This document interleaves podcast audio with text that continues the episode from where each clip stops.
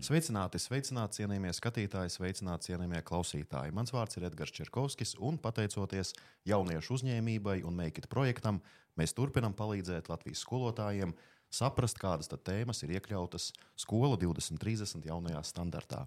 Turpinam aicināt interesantas personības, turpinam aicināt savas nozares speciālistus, un šodien mēs tiekamies jau otrajā ciklā, kurā mēs runāsim par inovatīvo ekonomiku. Un šodien man ir liels prieks pie mums studijā sagaidīt Vitu Brakovsku, Sveiki. biedrības zinis vadītāja un Mārtiņu Gulbi, laboratoriju līdzdibinātāju un vadītāju un Vislatvijas vidusskolas līdzdibinātāju un vadītāju. Cienījamie kolēģi, es jūs saukšu tā. Mūsu klausās skolotāji, mūsu klausās jaunieši. Varbūt jūs varētu pastāstīt par savu pieredzi. Kā tad jūs esat nonākuši līdz tik fantastiskiem amatiem, par kuriem visticamāk ļoti daudz jaunieši sapņo, ko jums tas ir maksājis, kāda bija jūsu pieredze līdz šim, un ko jūs darat ikdienā? Varbūt Vita sāksim ar tevi. Jā, paldies. Nu, kā es vienmēr saku, man ir divas, divas garlaicīgas augstākās izglītības uzņēmējdarbībā, bet tas absolūti nav tā, nav, jā, nav jāuztver. Katrā ziņā es savus gaitas esmu sākusi kontekstā ar savu pamatu izglītību, kas ir ekonomists, un tai pašā laikā pēc desmit publiskā, publiskā pārvaldē pavadītiem gadiem. Nu, dzīvē parasti ir tā, ka mūs, mēs dzīvojam, mēs braucam tajā komfortā transporta laivā, laivā un kamēr mūs nemet ārā, tikmēr mēs šeit ļoti reti kaut ko mainām. Nu, manā gadījumā bija tā, ka es eh, faktiski vienā brīdī sajūtu, tas bija 2009. gada laiks, kad Latvija eh, pārņēma ekonomiskā krīze, ka man bija sajūta, ka es varu darīt kaut ko vairāk, es varu darīt jaudīgāk, un uh, varbūt bišķiņi traucēja kaut kāda rāmi, kas mums bieži vien kā darba devējiem ir uzlikti. Un, uh, faktiski 9. gads bija tad, kad mēs izveidojam arī uh, biedrību zinis, uh, kas uh, faktiski ir manas mājas un jumts jau vairāk kā 10 gadus, konkrēti šogad jau būs 14.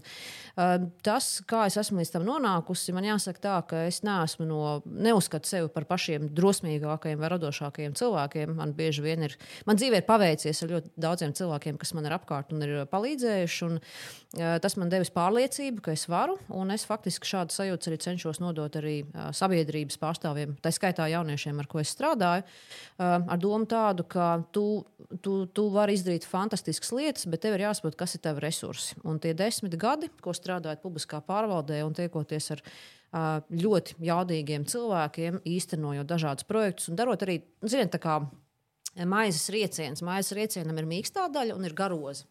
Ja, un vienmēr jāatcerās, ka mēs jau gribam kaut kādu sapņu darbu, darīt lietas, eh, kas mums tikai patīk, bet vienmēr jāatcerās, arī tur būs tāda sava garoza. Un, eh, tā kā teica savā laikā uzņēmējs eh, Udis Pīlēns, viņam, viņam tāds foršs termins vēlamās grūtības. Tad lūk, šie desmit gadi, ko es esmu pavadījusi darbā kā algos darbinieks, man ir devis caur vēlamajām grūtībām arī tās prasmes un pārliecību, ko es tālāk izmantoju jau faktiski darbojoties biedrībā zinis. Un tad ļoti īsi tas, ko mēs darām, mēs braukājot pa Latvijas reģioniem, palīdzam cilvēkiem apzināt savus patiesos resursus, ko var ļoti labi salīdzināt, manuprāt, ar aizbergu.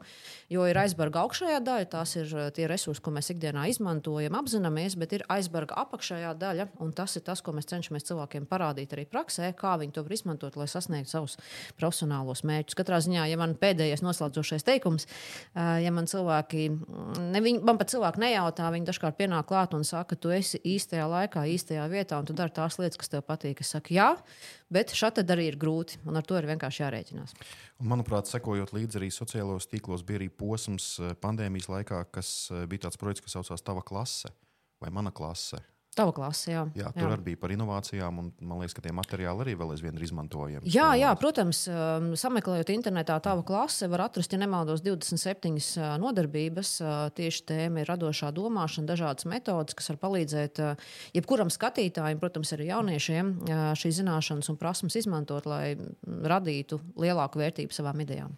Un, protams, man ir jāpiemina arī visi lielie Latvijas um, patiešām lielie pasākumi, konferenču ziņā, ja, ja es nešaubos, cilvēku faktors un visi, visi, visi lielie kādi vien var būt, kur katrs lektors sapņo uzstāties. Tas arī ir bijis. nu, es eh, sevi nereti saucu par meiteni pēc izsaukuma, jo tā nu ir gadījies, ka šos vairāk kā desmit gadus man nav jāraksta, jāzvana, bet mani meklē rokā. Tad uh, ir zināma burvība tajā, ka es nezinu, ko es darīšu pēc varbūt divām nedēļām vai pāris mēnešiem, bet, uh, bet nu, mēs katrs izvēlamies to savu ceļu, un tas ir mans ceļš. Es tikai varu piebilst, ka Vita Barkovska bija arī mana pasniedzēja. Es nevaru saukt to gadu, bet tas ir vairāk kā desmit gadus atpakaļ. Pat pietiekami sen. Bet man arī patika īstenībā mm, pasniedzēji, kad sāk savas lekcijas, viņi bieži vien sāk ar frāzi īsumā par sevi. Un tad tas īsumā par sevi aiziet tā stundā, pusotrā, un tu īsti nevari saprast. Pēc tam tās lekcijas nav īsti foršas. Ar Vitu bija tas vienīgais gadījums, kad Vita patiešām pāris minūtēs par sevi pastāstīja. Zem tās lekcijas bija viens no labākajām. Ja? Tā tad nu, bieži vien arī. Kā mēs jau arī šodien pirms ētera runājām, ka bieži vien ar to pieredzi ir jābūt ļoti uzmanīgiem, tīpaši mūsu laikos. Ja? Tīpaši, ka tā pieredze var par sevi arī daudz ko pēc tam praktiski parādīt. Mārtiņa, fantastiska arī jūsu pieredze. Ar ko jūs nodarbojieties, kā jūs nonācāt līdz šim? Nu, viss tas sākums ar to, ka esmu ķīmijs pēc izglītības, ķīmijas maģis. Mm -hmm. Un, protams, strādāju Koks ķīmijas institūtā, kā tas bija līdz 2007. gadam. Oh, un tad sanāca nonākt e, interesantā konferencē, kur uzstājās arī e, uzņēmējs no Austrālijas, diezgan liels, ietekmīgs, un e, Pīters Daniels. Un tur bija viena tāda interesanta frāze, kas man tik ļoti aizķēra līdz sirds dziļumiem, ja, kā saka, līdz pēdējiem matiņam.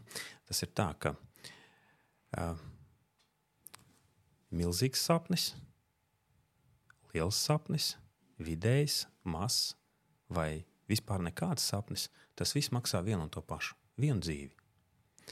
Un, attiecīgi, uh, tajā brīdī es tiešām sāku domāt, nu, kāpēc es dzīvoju ko tad es īsti gribu. Jo nu, daudzas lietas, kas mums ikdienā ir fokusētas, ja mēs skatāmies televīziju, reklāmu un tam līdzīgi, īstermiņā aiziet tagad, nopērts to, izdara šito. Tāds uh, diena, nedēļa, varbūt mēnesis, ja kaut kas tāds. Bet, ja padomāt, hm, kā es iztēlotos savu dzīvi uh, ilgākā laika posmā, un tad kā reiz bija paralēli viens raidījums, kur uh, gāja pa Rīgas ielām un jautāja jauniešiem, kā tu iztēlojies sevi 80 gados? Kāds tu būsi? Un uh, es tā nu, dzirdot, ka tur oh, es ar Harliju Davidsonu braukšu, tur vēl tur nu, visādi tur iešu tusēšu, darīšu. Es tādu, nē, nu, it kā jau jā, bet ja tā reāli padomāt, un es sevi ieraudzīju tajā brīdī, kā tādu sirmu, 80-gadīgu, uh, smaidīgu uh, opīti, var teikt tā, un man apkārt daudz bērni. Nu, tā kā kaut kādi 20, 30 un tādie, nezinu, apmēram gadi. 8, 9, 10, un es domāju, bāz, mazbērni. Hmm. Nē, nē, nē. Tā kā tur vajadzētu būt vecākiem, ja maz, mazbērni, bet vai tik daudz, kas, ko, kā. Un tad, protams, tas viss aiz, aizgāja līdz tam, nu, ja es gribu redzēt sabiedrību un vispār pasauli ap sevi labāk, ko tad īsti tiešām ir vissvarīgāk darīt. Un šajā gadījumā tas uh, Nelsona Mandelas frāze, ja, ka, ja tu vēlēsies izmainīt sabiedrību, ja, tad ir pirmkārt jāmaina izglītība. Tāpēc es nolēmu, ok, atstāšu visas ķīmijas lietas, iešu par skolotāju, skatīšos, kas tur būs. Un tajā brīdī bija iespējama misija, uh, kā teiksim, tramplīns. Tajā gadā tieši kā reizes saucās. Ja, tad, uh, tas iepriekšējais viss ir kā tramplīns nākotnē. Ja, Un tad kā reiz tas bija. Es kā skolotājs strādāju piecus gadus, un redzot, kas notiek Latvijas skolās un kā notiek, es sapratu, nu, man jau tad, tajā brīdī es jau gāju ar domu, es vēlos izveidot savu skolu. Uh, un uh, redzot, kas un kā notiek, tad uh, es sapratu, nu, kāpēc. Tajā brīdī, vismaz, kā es to sapratu, kāpēc īsti daudziem fizika ķīmija nepadodas, kad nu, īsti nav iespēja pataustīt. Tas bija baigi interesants gadījums, kad uh, es jau tajā brīdī biju sācis vienkārši arī interešu izglītībā, arī kaut kādas lietas darīt. Un mēs ar bērniem tur uztaisām maisīm, tūlīt dedzināsim, tur varēs būt tūguņi, visi forši. Es dodu, ok, rek, jums sērkociņai aiziet. Un tur desmit gadīgi puiši, tur desmit, deviņi tā. Tā, aiziet, jā. Stāv uz manis skatās, tā, ko, kas notiek. Mēs, es nemāku aizdedzināt sērkociņus. Es tā ko var ar to izdarīt? Nu, kā saka, un, protams, kad uh, faktiski uh, sanāca satikt tajā brīdī līdzdibinātāju Vladislavu Šalovski. Mēs kopā uztaisījām laboratoriju. Viņš kā profesionāls aktieris tieši uh, visa izklaides joma, es kā skolotājs, visa izglītības joma. Un arī šobrīd, ja, ja, ja pajautāt vārdu laboratoriju, diezgan daudz to pazīst visā -hmm. Latvijā. Jo nu, faktiski mums ir divi tādi lieli virzieni. Tas ir uh, kopumā zinātnes popularizēšana. Ja? Uh, viens ir, ja es skatos izglītību, tad tas sākot no otrās klases, lai bērns, ja, ja bērnam ir iespēja mācīties jau fiziku un ķīmiju, un tas mērķis ir, lai bērni ieinteresētos un gribētu izzināt ar vien dziļāk, vairāk tas, nu, mēs dzīvojam tehnoloģiju laikmetā, bet vairums jauniešu vienkārši nesaprot, kā darbojas tas mobilais telefons, kas tur notiek. Un par visu to, Tā ir saka, liela datori, problēma, jā. telefoni un, un vēl viss tam līdzīgi. Un, protams, tā ir viena daļa, bet otrs ir, kas mūsos pašos kā cilvēkā notiek, ja, ko mēs ēdam, ā, ka, ka, kas mums ir apģērbs. Ja, nu, vienkārši laicīgi padomājiet, okay, kas ā, un kā ietekmē. Ja. Nu, ā, un, un šajā gadījumā vienkārši ejot cauri ā, nodarbībās, tad jauniešiem ir iespēja iegūt gan tās zināšanas, gan to deksmi no mūsu skolotājiem. Kopumā tagad zinātnīs skolā ir ap 20 darbiniekiem. Uh, un, uh, tas nu, tādi foršākie sasniegumi, kas ir tagad, jau uh, ir, ir jaunieši, kas dodas uh, mācīties tieši inženierzinātņu uh, jomās. Laikam viens no tādiem uh, jaudīgākajiem, ko es tā redzu, tas ir šobrīd students, pirmā kursa students uh, Lēvens Universitātē, Beļģijā. Uh -huh. uh, burtiski mēnesi atpakaļ ir izdevusi savu pirmo grāmatu ķīmijā. Mm -hmm. Es tā, yes, super, izdarīts. Ja, kādreiz, kā saka, tā deksme ir. Un, un tas, ir, tas ir tāds uh, skaists piemērs, bet tur ir vēl daudz citu. Ja. Uh, Es domāju, ka mēs par tiem arī vēlāk arī parunāsim. Un man ļoti, ļoti patika, ka jūs pieminējāt inženierzinātnes, jūs pieminējāt arī šajā gadījumā arī savu kā ķīmiķa izglītību un arī pieminējāt fiziku. Jo nereti bieži vien izcili matemātiķi, izcili fiziķi, ķīmiķi vienmēr minēja kā galveno virzītāju spēku viņu darbībai tieši radošumu. Un lasot, piemēram, arī nu, tādu zinātnieku kā Jozefu Aloju Šumpēteru, ko bieži vien min ar inovāciju ekonomiku, visur, kur parādās matemātika. Kā tad īsti Vita ir ar šiem terminiem un cik svarīga matemātika ir radošajā domāšanā un kā radošā domāšana sasaistās kopā ar inovāciju ekonomiku? Varbūt tavs tāds kā mm -hmm. akadēmiskā cilvēka skatu punkts no augstskolas. Jā, nu, eh, zini, kā ir. Edgars, tad, kad tu mācies do, studēt doktorantūrā, tad pal sāk palikt uh, sarežģīti runāt uh, vienkāršā, saprotamā valodā, bet es mēģināšu būt tā ļoti īsi ieskicēt, atbildot uz to jautājumu. Um, sāksim ar to par to radošumu vai radošo ekonomiku. Ir šādi jēdzieni, un, uh, ja tā ļoti īsi runājot, tad uh, faktiski um, Austrālija veica pētījumu pie lielajiem Austrālijas turismu objektiem, un uh, viņi nonāca pie secinājuma, ka visi tie suvenīru tirgotāji, kas, kas paši veido rokdarbu un tā tālāk.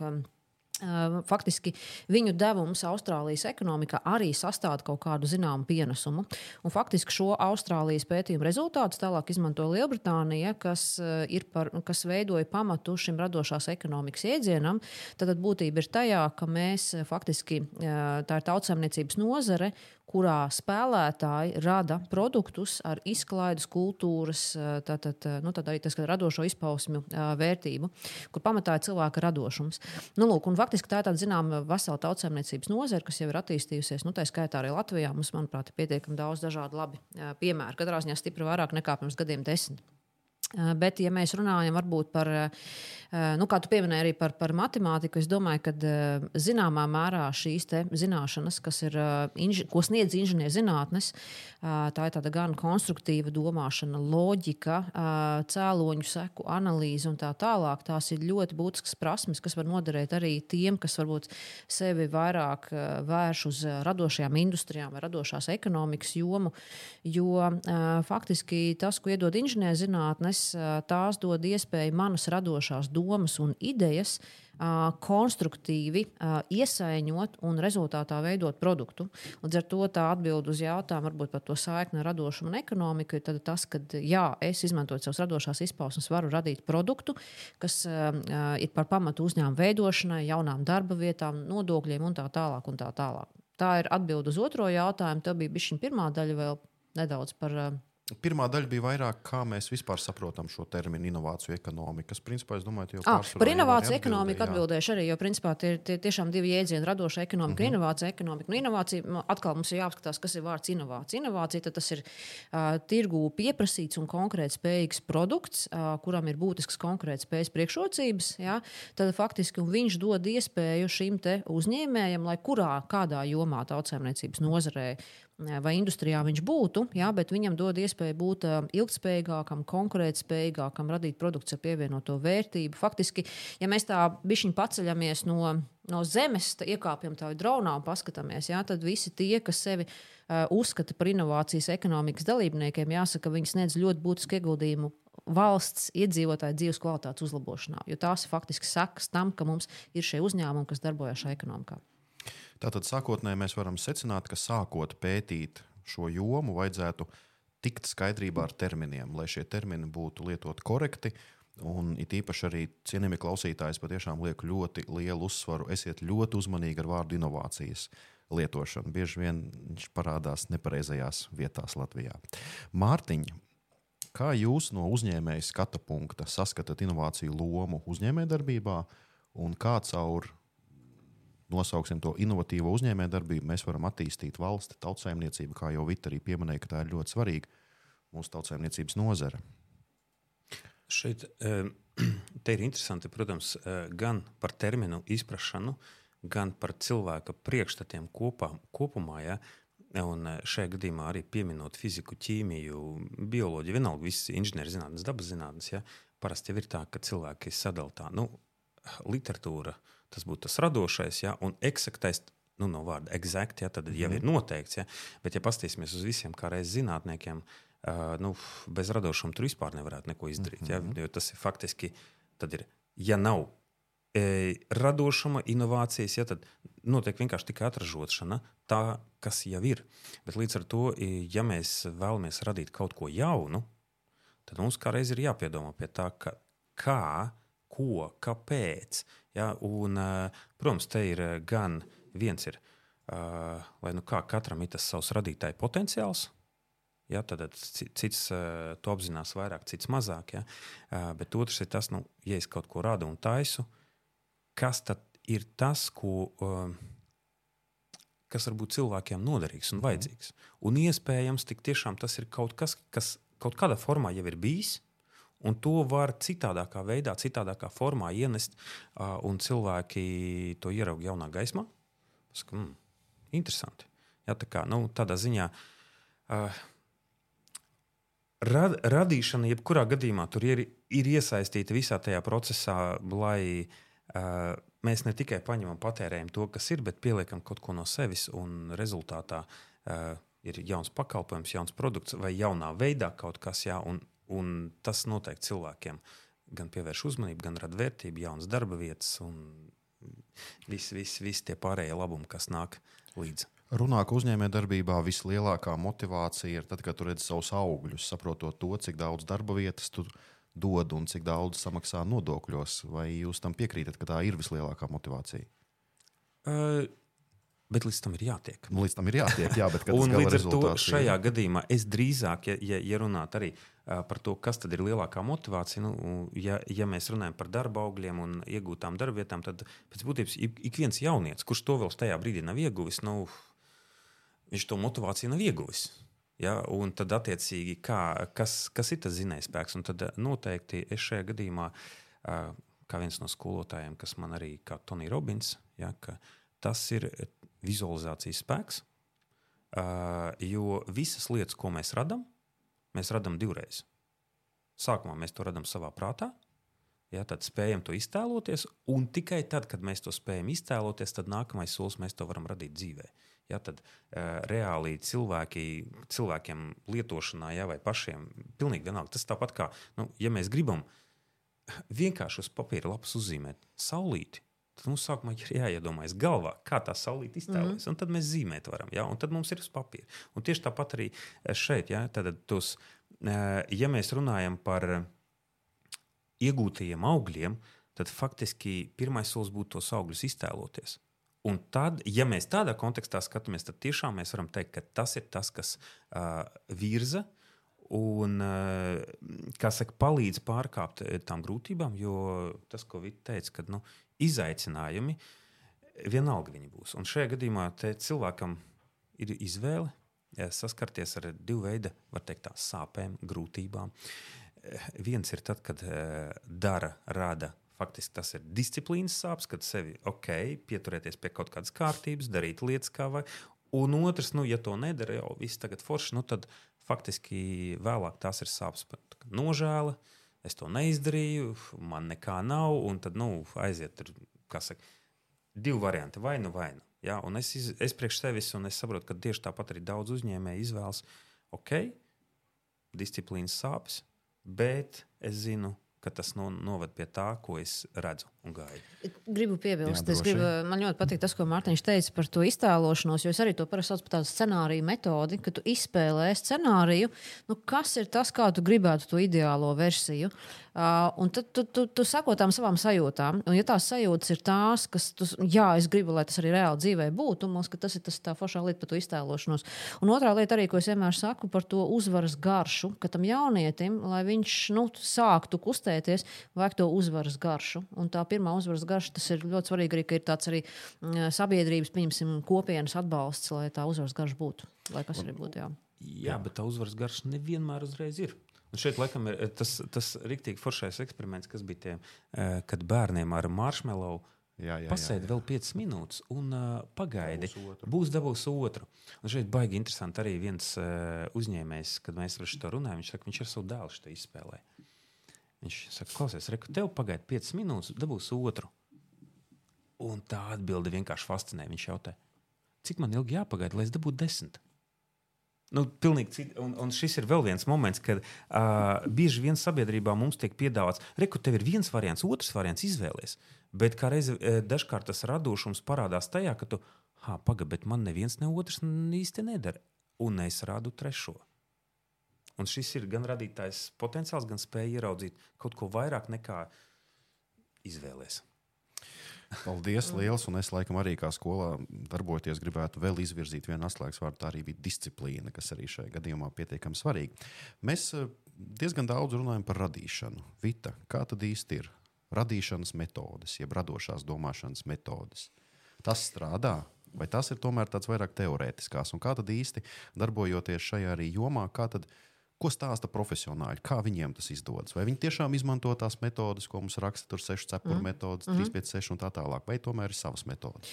Ļoti labs jautājums. un Man, es priecājos, ka tu man viņu uzdod, jo tā ir lieta, par ko es jau principā, pēdējos gados saku. Es arī savu pieeju esmu mainījusi salīdzinot ar to, kad uh, mēs tikāmies būt pirmajās reizēs nodarbībās pirms vairāk kā desmit gadiem. Um, es formulēju droši vien no šī brīža sekojoši. Mēs droši vien kaut kādā brīdī pieskarsimies tādam jēdzienam kā dizaina domāšana, bet varbūt uh, neaiziet vēl līdz viņam. Es gribētu teikt, ka kāds ir mūsu mērķis? Ja? Un, ja teiksim, mērķis ir piemēram biznesa idejas, tad ir tāda parasta frāze, nu, meklē labu problēmu, kas nav nepareizi, kas nav nepareizi, kas ir, tas, tas ir viena no lietām, kas ir jādara. Bet, ja mēs runājam par tādām ilgspējīgām biznesa idejām, man liekas, ka ir ļoti laba pieeja meklēt sākumā labu segmentu. Meklē labu segmentu, kas apzinās savu problēmu, kas vēlās to risināt, ir jau to mēģinājis, varbūt ne pārāk veiksmīgi, un viņš patiesībā ir arī maksāt spējīgs par to risinājumu, ko tu varētu piedāvāt.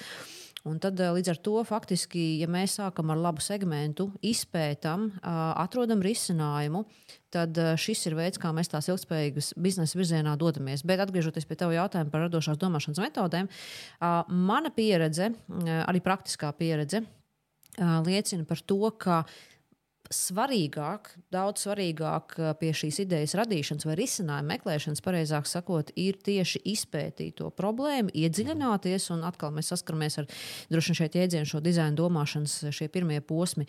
Jo tas eh, patiesībā dažkārt intervējot šos cilvēkus, segmentus, potenciālos klientus vai tiem, kam mēs vēlamies palīdzēt, viņi ārkārtīgi daudz mums pasaka priekšā. Un viņi pasaka, kas viņiem ir nepieciešams, vai viņi izvirza arī to savu problemātiku, un mēs, teiksim, izpētot, es to vienmēr salīdzinu ar pļavu. Mēs izpētām pļavu.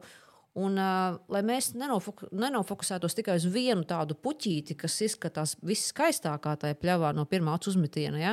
Uh, dažkārt mums ir nepacietība, tas pat tām piecām minūtēm. Mēs paņemam to puķi un sākam pie tās idejas strādāt. Bet patiesībā, ja mēs iedziļinātos, izpētītu to visu pļauju kopumā, tad mēs secinātu, ka varbūt tur ir vēl vairākas ļoti foršas vai vērtīgas puķis, ar kurām patiesībā mēs varam darboties.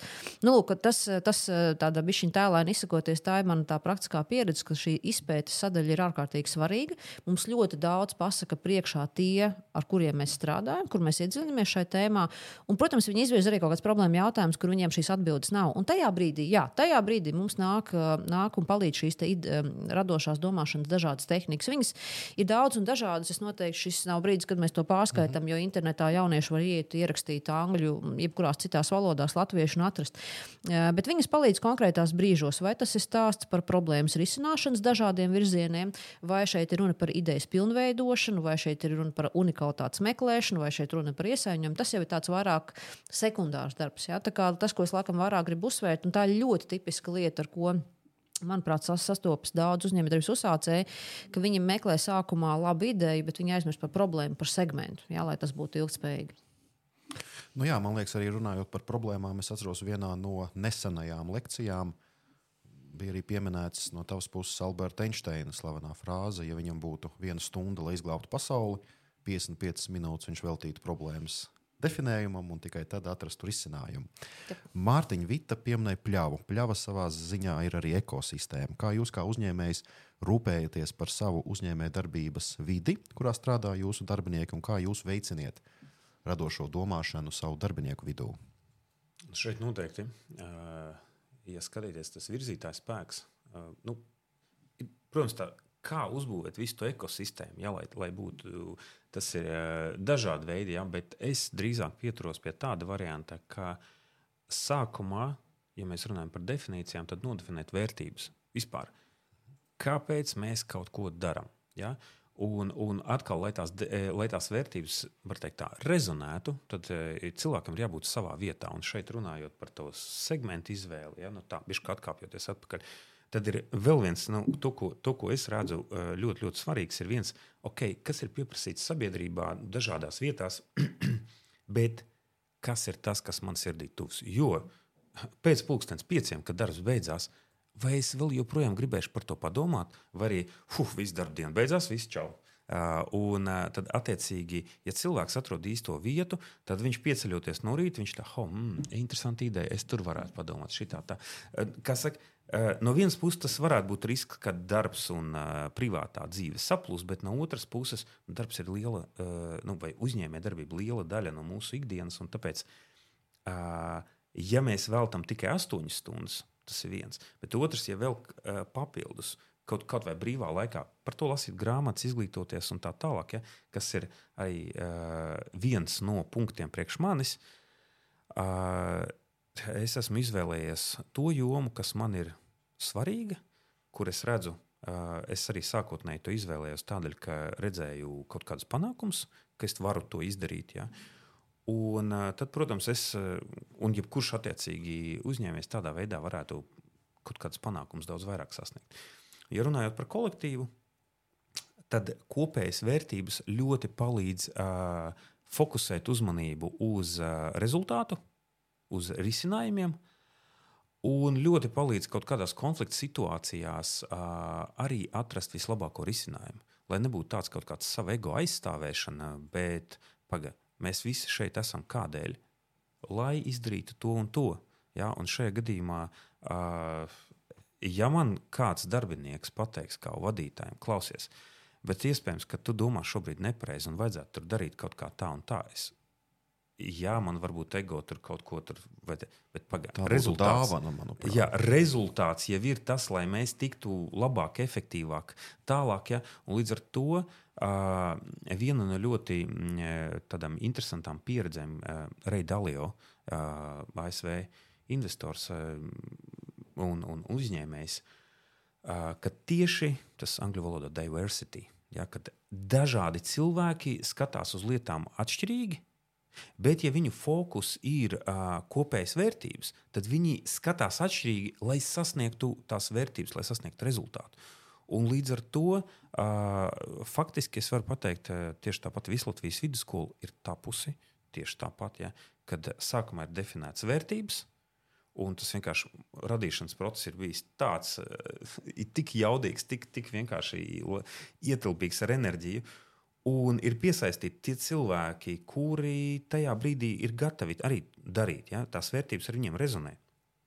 Un faktiski, nu, burtiski mēs te uh, salīdzinoši, nu, kad saņēmām akreditāciju, viena no lietām, ko vajadzēja ieviest, uh, arī Vienkārši no tā, ka mums ir vajadzīgs mērķis, un mēs visi darbojamies uz, nu, saskaņot ar vērtībām, dažādi vēl, bet trīs dienās ir izdarīts tādas izmaiņas uh, konkrēti, kuras es vienkārši nevaru iedomāties citās skolās, kur esmu strādājis. Kā to būtu iespējams citur dabūt? Ja? Bet tas ir tieši tā, ka tā ekosistēma ir iekšā, ir vērtības, visi fokusēti nevis tā, ka, ko vadītājs teiks, vai, ja, vai ko priekšnieks teiks. Ja? Bet Mums visiem ir nosacīts augstākais mērķis, kāpēc mēs visi kopā esam.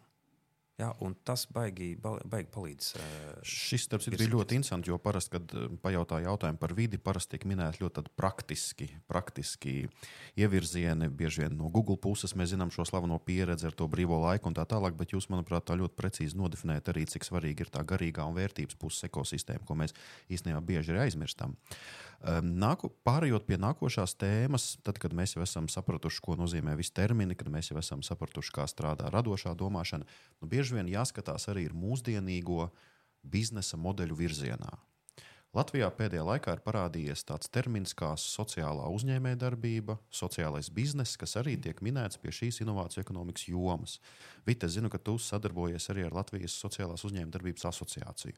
Varbūt varētu dažos vārdos pastāstīt, kas tad īsti ir sociālais uzņēmums, -huh. vai tas ir inovatīvs Latvijā vai nav, un, un, un kādas ir tendences uz doto -huh. mirkli. Uh -huh.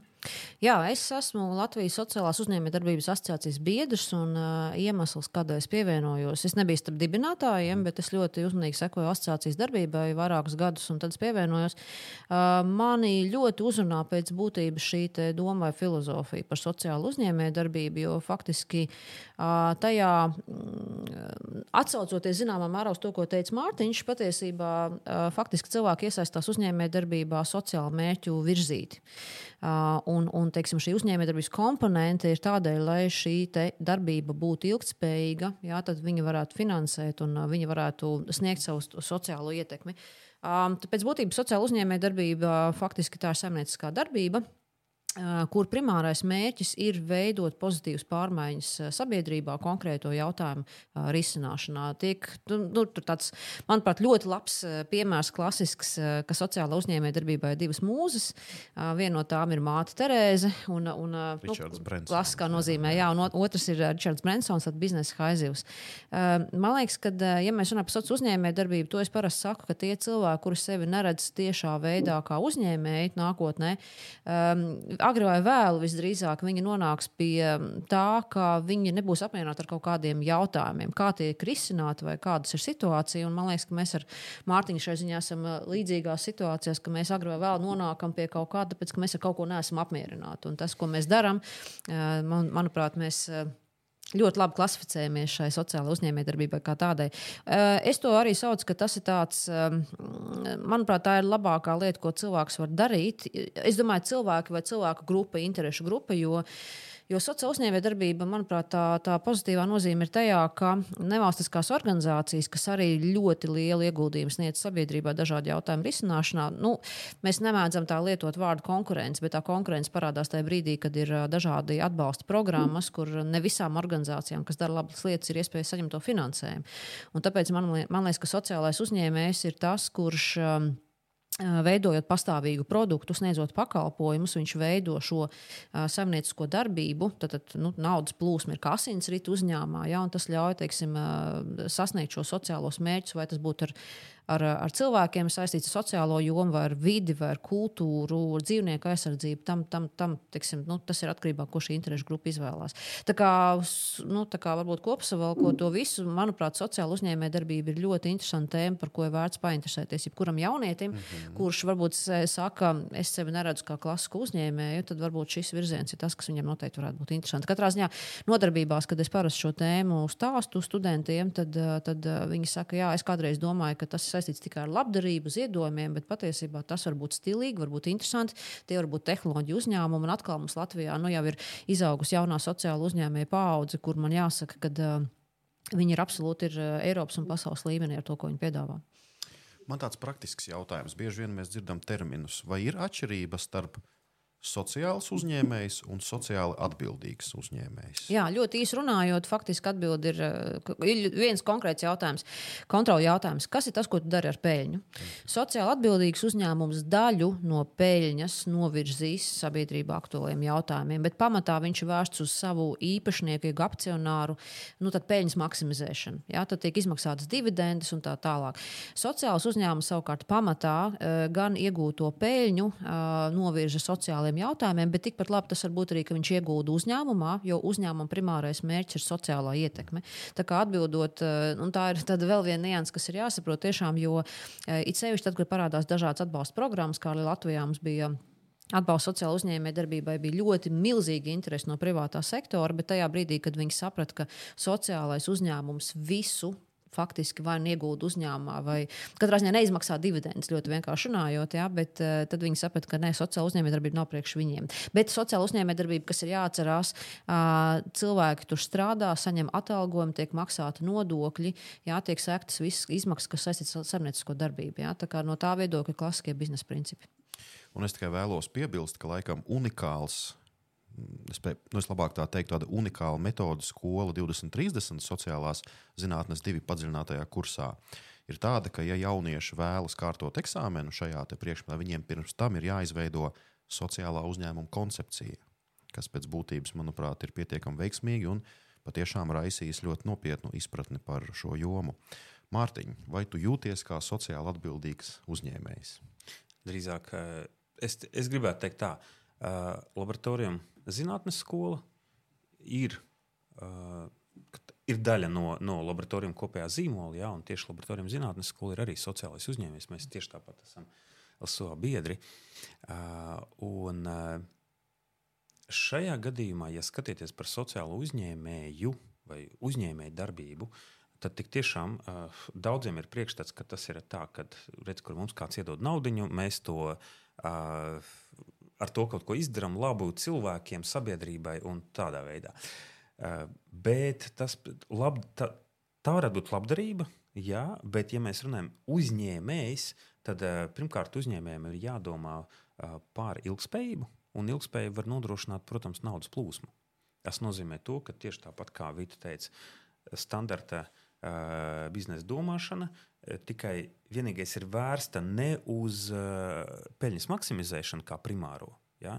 Peļņa arī ir svarīga, bet gan uh, reālu sociālu problēmu, izaicinājumu risināšanu. Ja? Kas ir primārais, jo tad uh, visa, visa, mēr, uh, nu, visa enerģija, visa darbība ir virzīta uz to, lai hm, ir šāda problēma, kā mēs to varam atrisināt un risinot problēmu. Faktiski sabiedrībai tiek dota vērtība, un sabiedrības locekļi, ja tur kas no viņiem būtu, ja, ir gatavi par to samaksāt. Un tādā veidā uzņēmum, uzņēmums sev nodrošina naudas plūsmu, lai varētu turpināt darboties. Ja? Uh, Laboratorijām zinātnes skolā mums ir 20 darbinieki, ja? visiem tiek izmaksāts algas. Uh, bet attiecīgi ieguvums, ko iegūst bērni, vecāki no tā, ka viņi apmeklē mūsu nodarbības, vai, vai tieši tāpat uh, bez, bez vis tā ir tā, tās pieminētais tava klase, kur mēs esam uh, uzstājušies. Un, jā, es tur esmu ierakstījis 80 nodarbības, 1 līdz 6 klasē. Tur aiziet, var skatīties, un ļoti daudz pozitīvas atsauksmes. Ja. Tad televīzijā daudzos raidījumos arī esam uzstājuši. Un vienmēr tas mērķis ir bijis virzītājs spēks. Uh, mērķis, ko mēs darām sabiedrībā. Ja? Tad zinātnes popularizēšana ar, mē, ar domu, ka tie bērni par to vairāk aizdomājas, Un iespējams, kāds no viņiem nonāk uh, jau tālāk līdz tam, ka hm, es vēlos mācīties ķīmiju dziļāk, es mācos, vēlos mācīties fiziku dziļāk, un aiziet inženierzinātņu jomā, dabas zinātņu jomā, ja kas, kura, kas nu tur būtu. Ja, bet, uh, lai nebūtu tā, ka nonākot 8. klasē un diemžēl šobrīd ir liels risks tam, ka uh, priekšā vai nu uh, būs nepieredzējis skolotājs vai skolotājs. Nu, vienkārši, kad fizikā, ķīmijā ar skolotāju var nepaveikties, ir diezgan liela varbūtība. Ja? Tad, Pārāk liela. Uh, jā, un tad daudziem ir tā, oi, fizika, ķīmija neinteresanta. Tāpēc, ka tu asociē ar konkrētu skolotāju. Bet uh, ir svarīgi, ka bērni saprot, nē, fizika, ķīmija ir forša, interesanta, dziļa. Tur var tik daudz ko interesantu izprast. Ja? Kaut vai nu, burtiski viena no tādām lietām pēdējo pusgadu es uh, esmu pilnībā pārstājis dzert alkoholu. Vienkārši beidzot saprotot vienu lietu. Uh, jo, kā jau saka, tur ilgtermiņā mm -hmm. kaut kādas lietas, ja? es pirms tam esmu. Kaut kāds 12 gadus, nu tā, vīna glāze, šādi tad un tā, bet uh, saprotot to, ka uh, alkohols ietekmē, kā alkohols ietekmē eritrocītus, un kad tas sanāk smadzenēs, orgānos un tam līdzīgi, faktiski uh, uh, eritrocītiem, tur ir interesanti tā, ka katram eritrocītam normālā stāvoklī apkārt ir negatīvs lādiņš. Divi negatīvi lādiņi nesatuvojas. Līdz ar to eritrocīti ir viens no otra tālāk. Un skābekli var labāk pārnest, un ir, plus viņi ir elastīgi un var iziet cauri caur kapilāriem. Jo uh, tā, eritrocīti izmērs 6 līdz 8 mikrometri, mazākais kapilārs 3. Tas nozīmē, ka pus, uz pusi mazāk caurumu jāizlien cauri, un tur jābūt elastībai un visam. Iedzer alkoholu, uh, un faktiski viss uh, eritrocīta līdzsvars mm, nojūg, mazajos kapilāros iesprūst, tad reibums pirmais, uh, nervu šūnas, kas uh, aiziet bojā, uh, sinapses aiziet bojā, ja, tad, tad attiecīgi tur galvas sāpes un tam līdzīgi. Ja, un faktiski tas būtu apmēram līdzīgi, līdzvērtīgi, kā vienkārši sev rīktīgi iebilst pa galvu un dabūt zilumu galvā. Katru reizi, kad iedzer kaut vai vienkārši vīna glāzi, vai man to vajag? Un uh, interesanti, ka lai pilnībā tas atjaunotos, līdz visas tās nervu šūnas, kapilāri un sinaps ir vajadzīgi trīs gadi. Kurš cilvēks sabiedrībā? uh, bet, protams, kad mēs ieraugām televīzijā, alkohols negatīvi ietekmē veselību ah, sarkanā lampiņa, ko aizklājam, viss ne, neiedziļināmies. Un faktiski, ja sāk iedziļināties visādos tādos jautājumos, tur fizika, ķīmija ir tik interesants, ka vienkārši uh, tāpēc mācām, darām, Un ar domu, ka, lai kāds būtu fizikas vai ķīmijas skolotājs, bērns gribēs tālāk. Darīt. Es ieteiktu ieklausīties, tāpēc, ka patiešām bieži vien ir sabiedrībā tāds mīts, ka radoš, tā, alkohols veicina radošo domāšanu, bet paklausieties, ko saka speciālisti. Man liekas, ka eh, ļoti jaudīgs pieteikums ļoti mums, ka vajadzētu pareizi. piedalīties pret kaut kādu alkohola pretlietošanas eh, kampaņā. Ļoti, nu, vienkārši izskaidro, kāpēc ir kaitīgi. Un, ja to pašu varētu par, eh, par smēķēšanu, vēl par kaut kādām citām lietām ideāli, jo tev vismaz ir skaidrs, kas notiek ar mums. Un, ja vēl pasaka, ka tie trīs gadi gadi. Un uh, tie, kas visvairāk uztraucās par nervu šūnu atmiršanu, tad uh, katrs atradīs argumentu. Lieliski, lielisks, lielisks pieteikums. Tieši fantastiski. Um, Tad, kad mēs esam sapratuši, kā strādā šī radošā domāšana, sapratuši, kāda nozare, esam parunājuši gan praktiski par biznesa moduļiem, tad bieži vien tiek lietots arī termins, ko šodien Vita arī pieminēja - dizaina domāšana. Ar ko tā atšķirās kāda ir šīs metodas vai vispār domāšanas sistēmas unikalitāte, un vai ar šo metodu patiešām var radīt mūsdienās tik ļoti slaveno apzīmējumu produkts ar augsti pievienoto vērtību. Tā, man precizējuši, man pre, jā, dažos vārdos man precizējuši jautājums, ar ko atšķirās no kā. kā Varbūt es domāju, tāpēc bieži vien tiek eh, lietots termins radošā domāšana un dizaina domāšana. Ir uh mhm. -huh. atšķirības. Uh -huh, uh -huh, okay. nu, patiesībā es domāju, ka eh, nevis es domāju, bet eh, radošā domāšana ir dizaina domāšanas sastāvdaļa konkrētajā posmā. Ja tā ļoti īsi mēs atbildam, bet varbūt par pašu dizaina domāšanu un to, vai tiešām tā var radīt produktu ar pievienoto vērtību, tad nepār. Um, Nepārcitējot sevi, ko es teicu burtiski pirms dažām minūtēm, tad uh, dizaina domāšanai ir četri galvenie posmi, kas ir pamatā uh, tēmas uh, izpēta, iedziļināšanās, uh, konkrētas problēmas definēšana, uh, tad ir idejošana, prototipēšana, un tad jau mēs nonākam līdz tam produktam. Bet, lai tas nav tā savs un teorētiski, došu ļoti ātru vienu īso piemēru kur faktiski tas mūsu sākums, kā mēs radījām produktu, kas ir mēs, mēs bijām trīs brīnišķīgas dāmas, mēs atnācām kā baltas lapas, un mums uzdevums bija dizaina domāšanas ietvaros radīt produktu, bet mēs nezinājām, kas tas būs. Un, ja tā ļoti īsi runājot, tad mēs faktiski veicām padziļinātās intervijas, un te ir atbild uz to, ko nozīmē pētīt, iedziļināties. Ja? Mēs, veicām, mēs izvēlējāmies brīnišķīgu segmentu, kas ir kanisterapeiti, tie ir cilvēki, kas tātad ar suņu orientētās terapijas palīdzību palīdz bērniņiem ar ar, ar funkcionāliem traucējumiem, apgūt papildus sociālās prasmes. Tad tas, ko mēs darījām, mēs veicām padziļinātās intervijas, pusotru stundu gara katra no intervijām, kopskaitā 13. Uh, mēs izpētījām, mēs sākām nevis ar to, kas ir problēma, par ko jūs sūdzaties, bet mēs sākām piemēram ar to, kas ir labs kanisterapijas process, ja? kādas ir sastāvdaļas, kādiem jābūt elementiem, kā sunim ir jājūtās. Ja? Tad, tad viss saistīts ar suni, tāpēc ka suns šajā gadījumā ir darbinieks. Mēs izpētījām no A līdz Z, un, ja ir jautājums, ko nozīmē padziļinātā intervija, tad principā tie ir kaut kādi 8 līdz 10 jautājumi. Mēs fiksējam atbildes, mēs veidojam transkriptus. Tas nozīmē, to, ka mēs pārrakstam burtiski to, ko cilvēks ir stāstījis. Par laimi, šobrīd, atšķirībā no tiem trim gadiem, pirms trim gadiem, kad mēs to darījām, šobrīd datorā ieslēdzot diktofonu, tev faktiski Microsoft Word vai citā programmā vienkārši tas viss tiek pārrakstīts. Bet balstoties uz šo 13 interviju rezultātiem, mēs nonācām pie secinājuma, kas ir lielā sāpe kanisterapeitiem, kas ir viņu drāma. Un īsumā, īsā versija, viņi teica, mēs skraidām pa bērnu rotaļlietu veikaliem, meklējam atbilstošas rotaļlietas ar suņu tematiku pareizās, dabā sastopamās krāsās. Mēs paši mājās tamborējam, tāpēc ka vienkārši šādu lietu nav. Un faktiski šādā veidā mēs nonācām pie secinājuma, ka viņam ir vajadzīgs labs kanisterapijas nodarbība, piedaruma komplekts. Starp citu, tēma vai ideja brīva, ja kāds jaunietis vai jauniešu komanda vēlās pieķerties, šis virziens varētu būt tas, uz ko var strādāt. Un, mēs faktiski balstoties uz šo izpēti, nonācām pie secinājuma par šī, nu, nu, šī komplekta veikta vajadzību, un tālāk jau mēs faktiski balstoties uz to, ko šie kanisterapeiti minēja, kādām šīm rotaļlietām ir jābūt, jā, teiksim, forma, krāsa, funkcija, specifika un tā tālāk. Mēs viņus radījām daļu atbilžu. Viņi paši mums jau pateica priekšā, kā es iepriekš minēju, daļu. Viņi izvirzīja problēmu jautājumus, ko mēs savukārt ar šīm radošās domāšanas metožu palīdzību faktiski arī šos jautājumus atrisinājām. Rezultātā Ko vēl būtu vērts pieminēt pie dizaina domāšanas, ka tur ir arī tas uh, piltuves princips, ja, ka tu rādi sākumā maksimāli daudz un dažādas idejas par konkrēto tēmu, bet tad atlasi labākās. Un labākais veids, kā mēs atlasām labākās idejas, ja tā ir biznesa ideja, tad mēs jautājam šajā gadījumā konkrētajam segmentam, mūsu gadījumā tie bija kanisterapeiti. Tīri statistikai no 28 dažādām idejām, ko mēs piedāvājām, viņi atlasīja 15. Viņi teica, tās pārējās nē. Bet tās 15 mums būtu nepieciešams. Un tas bija veids, kā mēs nonācām līdz savam produktam, faktiski 300 līdz 500 eiro vērtībā kā produkts. Mm. Tas ir pietiekami interesanti. Paldies, Lielas! Ja mēs pārējām no šī termina produkts ar pievienoto vērtību, bieži vien mēs lietojam arī terminu dzīvotspējīgs produkts. Mārtiņ, ja mēs skatāmies uz laboratoriju un Vislatvijas vidusskolu, tomēr mēs varam minēt ka tas jau ir kļuvis par tādu zināmu zīmolu. Nu, kāds bija tas ceļš līdz šim gala produktam? Patiešām tik viegls, kā to stāsta bieži vien teorijās, vai tomēr mēs vairāk ejam uz to aizberga principu, ka viss paliek zem ūdens un labāk tiešām, par to neatcerēties? Jā, jā. Nu, es domāju, ka sociālai tīkli mums ļoti labi parāda priekšā.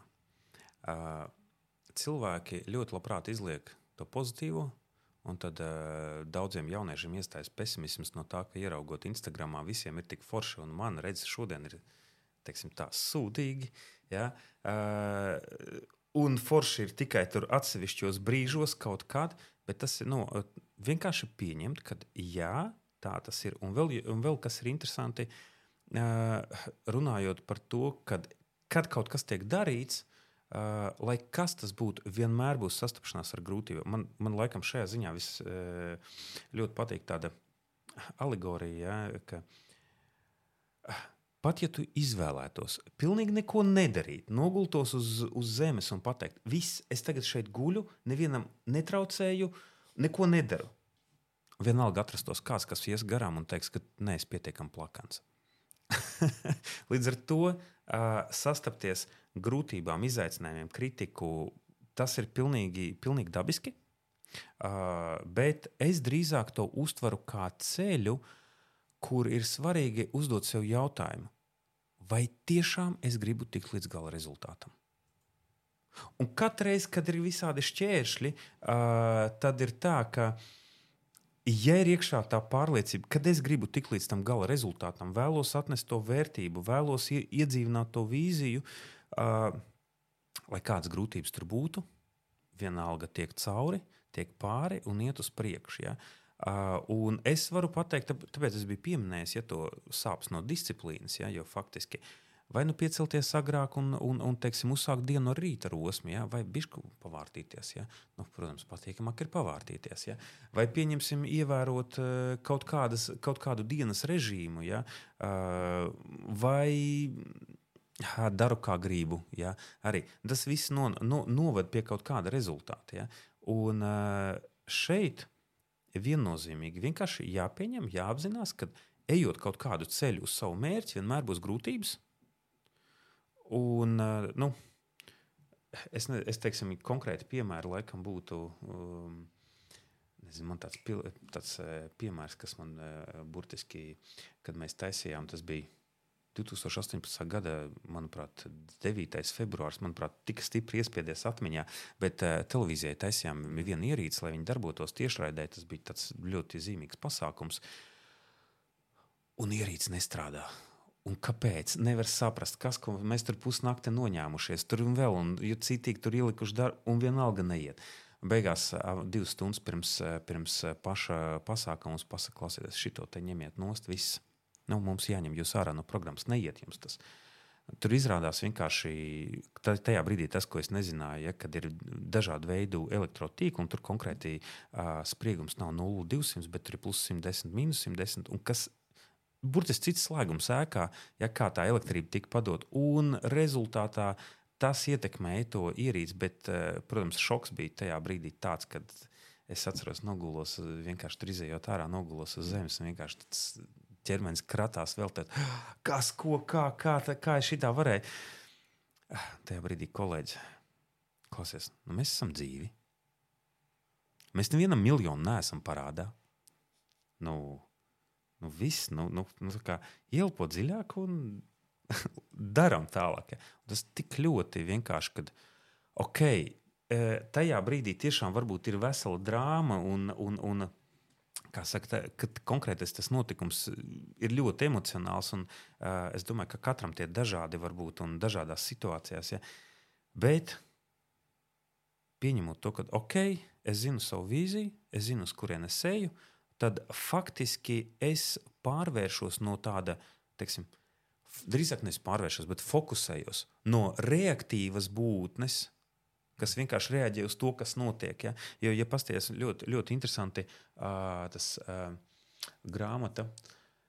Seven Habits of Highly Effective People, ja, kur tiek mm. pieminēts to, ka uh, faktiski cilvēkam ir jābūt, nu, principi, vērtības ir tas, kas viņu vada, un tam ir tā jābūt. Uh, nevis, kad ir apstākļi, iegribas tajā konkrētajā brīdī, kas ir. Ja, jo, nu, tas, tas, tas rada to reakciju. Un mēs vienkārši atbildam uz visiem tiem, uh, kas saka.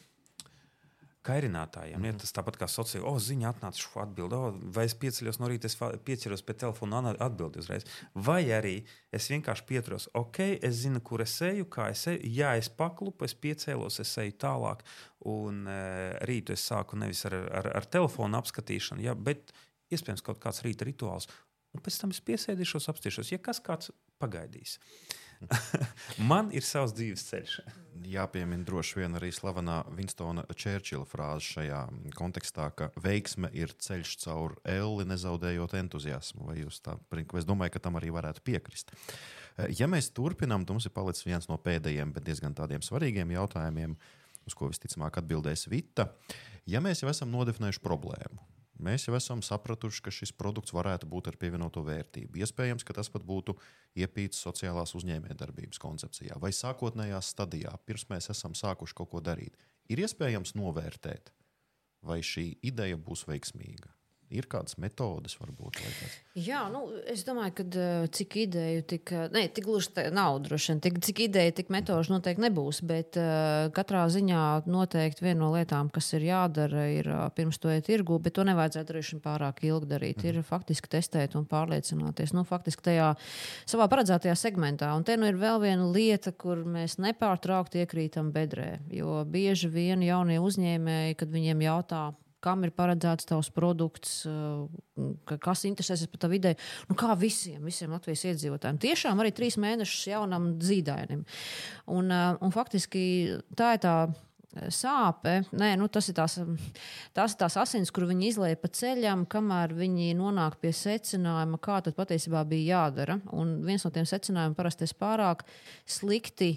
Pētīju to savu klientu, viņa vajadzības, paradumus, kā viņš domā, ar kādām domām viņš no rīta ceļās, vai viņš ielien telefonā uzreiz, vai viņš fiziskas aktivitātes veids vai kā tam līdzīgi. Bet atgriežoties pie jautājuma par to, Kas tad būtu jādara? Nu, ir vesela virkne lietām, kas ir jādara. Principā ir jārēķina arī finanšu aprēķini, kas ir ārkārtīgi uh, vāja puse. Un, uh, man vienmēr liekas, nu kā mums taču tomēr ir pietiekami daudz cilvēki, lai arī maz, bet pietiekami daudz tie, kas tomēr labi pārvalda finanšu tēmu. Bet izrādās, ka tad, kad runa par uzņēmēju darbību, tas tāds bieži vien vājais punkts. Jo, ja mēs nevaram izrēķināt pašizmaksu vai, vai, vai bezaudējumu punktu un vispārējās lietas, tad ir ļoti grūti runāt par biznesu. Tad mēs runājam par biznesu, kā es vienmēr saku. Un tas nozīmē to, ka tu dari to, kas tev patīk, bet nu, tas paliek tādā hobija līmenī. Bet, zināmā kā, nu, godīgi sakot, jau ir tā, ka eh, kas tad vēl ir vajadzīgs? Nu, ir vajadzīga komanda. Jā, jo tu, tev nav visas zināšanas un prasmes, tev tā komanda būs vajadzīga. Ar, ar, varbūt ar dažiem īpatniem uh, izņēmumiem, bet šodien mēs, ner mēs nerunāsim par izņēmumiem. Izņēmumi parasti ir 10%, un mēs bieži vien tajā kategorijā, 10% kategorijā, veiksmes kategorijā neteikam iekšā. Bet uh, katrā ziņā ir vajadzīga komanda, ir jāpārbauda pirms tu dodies tālāk, tev ir jāveic finanšu aprēķini, tev ir ļoti svarīgi jādomā par kādiem kanāliem kanāliem tu to savu produktu virzīs. Un droši vien vēl daudz citas lietas, bet um, tas, ko laikam es vēl gribētu noteikti uzsvērt, ka jebkuram jaunam cilvēkam jāatcerās, ka viņš nav viens pats un mums pēc definīcijas sabiedrība ir laba, cilvēki ir labi, cilvēki, tā skaitā profesionāļi, ir gatavi sniegt nesautīgi savu padomu. Tas nenozīmē, ka vienmēr viss kaut kādu naudu maksā. Tāpēc ne, ne, nevēl ir šis jēdziens viedā nauda vai gudrā nauda. Ja? Jo gudrā nauda ir tā, ka tu saņem finansējumu un arī labu padomu. Jo nopirkt dārgas iekārtas tas nav pārāk sarežģīti. Ja?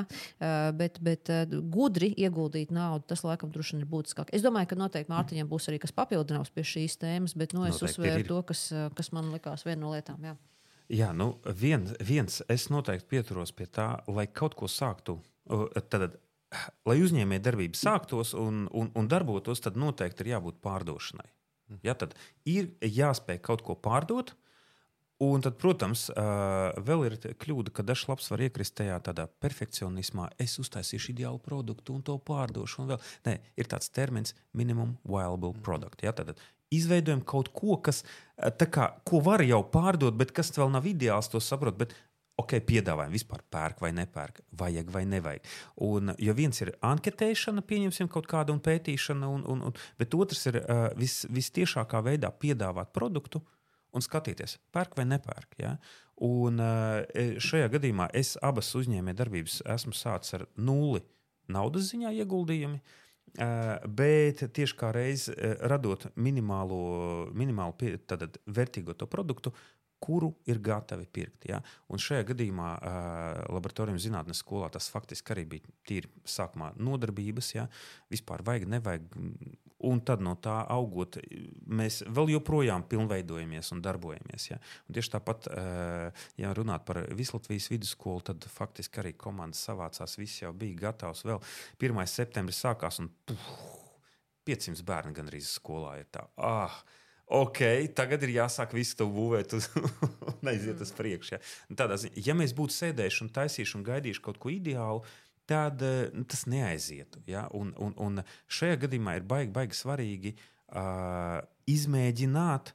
Un, uh, lai būtu lielāka pieredze, ja, tad var pamēģināt tiešām šādi, šādi, šādi, šādi, un tad redzēt, kas tad labāk iet, kāda ir atsauksmes, ko cilvēks saka, ko vērtē, ko gatavo pirkt un tā tālāk. Un otra interesanta lieta ir tas par zināšanām, šajā gadījumā ļoti, ja mēs paskatāmies cilvēku psiholoģijā, ja, ir, ir tāds jēdziens, mind traps, jeb apziņas slazdi, kur mēs iekrītam. Bieži vien tur, tur ja kas gan YouTube var paskatīties, ir, ir par to video, gan grāmatas, bet vienkārši savu priekšstatu slazdos iekrītot, viss mēs pazūdam tur un tad. Domājam, vienu reālā situāciju, cik, cik reizes esmu savus rozā brilles apdauzījis. Vienkārši tā, ka nu tikai. Un tad šeit ļoti laba frāze, kuru es gribētu pateikt, tas bija no TED runas Džons Pērkins grāmata. Grāmatas autors ekonomiskās, ekonomiskās slepkavas grēksūdze, Ja? Viņš ļoti, tā frāze man tik ļoti dziļi sirdī aizķērās arī. Es ticēju, ka es daru labu. Ja, tad faktiski uh, tas, tas ir par to, ko viņš ir darījis, un pēc tam ar, ar citu, no citas skatu punktu novērtējot, ka oh, tas galīgi nebija labi. Ja? Bet tajā brīdī, kad es darīju, es ticēju, ka es daru labu. Pat augstas amatpersonas tas nozīmē, un, un, un tiešām var ietekmīgi cilvēki dara kaut kādas lietas, tāpēc ka viņi tic, ka tā tas strādā, ja ir kaut kāda pārliecība, bet dažkārt tas var būt aplami. Un šeit, manuprāt, kā reizē arī Dalio ar viņa tas. Uh, uzņēmums, uh, es nezinu, kurš tas bija gads, bet tas vēl 20. gadsimtā, ja, kad tur ir pilnīgs krahs par to, ka viņš tur, es tur varu, es tur visu, es tur šitā un pums. Un pēc tam viņš tā, ok, I need a diversity. Ja? Tad dažādi cilvēki, mēs sanākam kopā, domājam, dažādi skatu punkti, vēl, vēl, vēl. Ja? Un uh, no, no, no kaut kāda kraha atkal augšā, ja? un aiziet vēl tālāk un augstāk nekā ir bijis iepriekš. Tā kā kopā, kopradīšana. Un, ja reiz pārdot, tad pamēģināt pārdot kaut ko sākumā mazu, un tad saprast, o, pērk, jātais labāk. Paldies, liels, patiešām interesants saruna. Un viens no faktoriem, kas par to liecina, ir tas, ka mēs jau gan izvēlējamies stundu runājam, un laiks paiet patiešām ļoti ātri. Bet mēs esam izrunājuši pilnīgi visus tos jautājumus, ko arī skola 2030 ir nodefinējusi kā jautājumus, ar kuriem jaunieši mēģinās saprast, kas tad īsti ir inovatīva ekonomika. Vita, ja tev būtu viena minūte motivēt Latvijas skolotājus tēmā inovāciju ekonomika, ko tu viņiem novēlētu? Oh.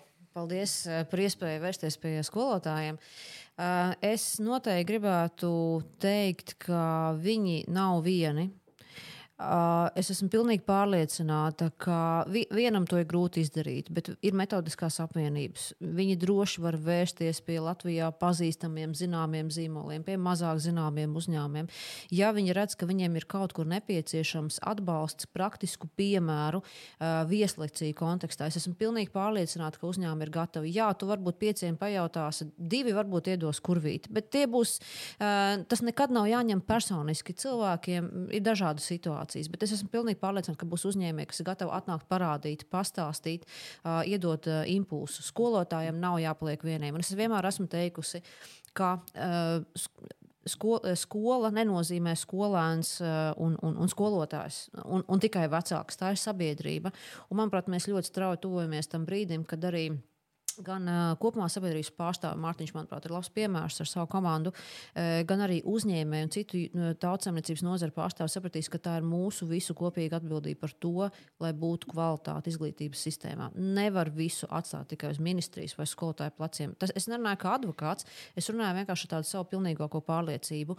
Ja būs uh, aicinājums un gatavība pieņemt, tad es domāju, ka ļoti daudz cilvēku nāks. Un iespējams, misija ir viens no, vai mācīt spēks, jā, teiksim, ir, ir šīs iniciatīvas, kur jau tas viss notiek, bet esmu pilnīgi pārliecināta, ka piesaistīt eh, lielāku atbalstu var tieši arī no nozares. Tiem, kuriem arī svarīgi, lai būtu šie darba ņēmēji. Paldies! Šis, manuprāt, tiešām ir ļoti, ļoti svarīgi atcerēties. Jūs patiešām neesat vieni un jāskatās ir pavisam plašāk. Skola nav, kā pieminēja Vita, daži indivīdi, tā ir visa, visa sabiedrība kopumā, un tieši no skolas būs atkarīgs. Tātad, kāda mēs būsim, Mārtiņ, vai tev ir kas piebilstams? Jā, es drīzāk gribētu vienu tādu motivāciju jauniešiem. Uh, Jo bieži vien dzirdot kaut kādas šādas nodarbības, vai, vai vispār nu, cilvēks, kas ir sasnieguši kaut ko, šķiet, ka, ah, nu, ko tad es, nu, es tā kā maziņš pelēks, un, un ko tad es? Ja? Uh, mēs vienkārši, labi, kā tā sistēma ir, tāda ir, bet ar ko tad īsti sākt? Un man šajā gadījumā ļoti palīdzējis ieteikums no uh, Austrālijas uzņē, uzņēmēja 2006. gadā. Uh, faktiski es to varētu pateikt vienā frāzē, ka leaders are readers. Tad ņemam grāmatas, lasām, uh, skatāmies, mācāmies, un caur to tad, uh, radīsies domas, uh, priekšstati jauni, zināšanas jaunas, un saprot, ah, es varu darīt šitā, šitā. Vienkārši tas uh, plašums, redzesloks arvien kļūs lielāks, un uh, tad tiešām varēs kaut ko arī izdarīt un sasniegt. Paldies, liels, lai veicās. Es domāju, ka šodienas sarunu biedri patiešām pierādīja, ka ar mērķtiecību, ar zināšanām var panākt daudz ko. Un domāju arī, ka šodienas mūsu saruna palīdzēs gan skolotājiem, gan skolotājiem labāk saprast, ko mēs saprotam ar šo tēmu - inovatīvā ekonomika.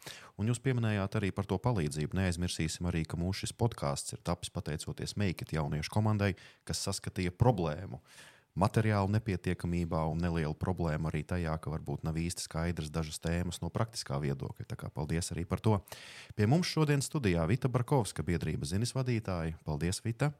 Un Mārtiņš Gulbis, laboratoriju un Vislatvijas vidusskolas līdzdibinātājs un vadītājs. Paldies, Mārtiņ! Paldies! Paldies arī cienījamies skatītāji un klausītāji!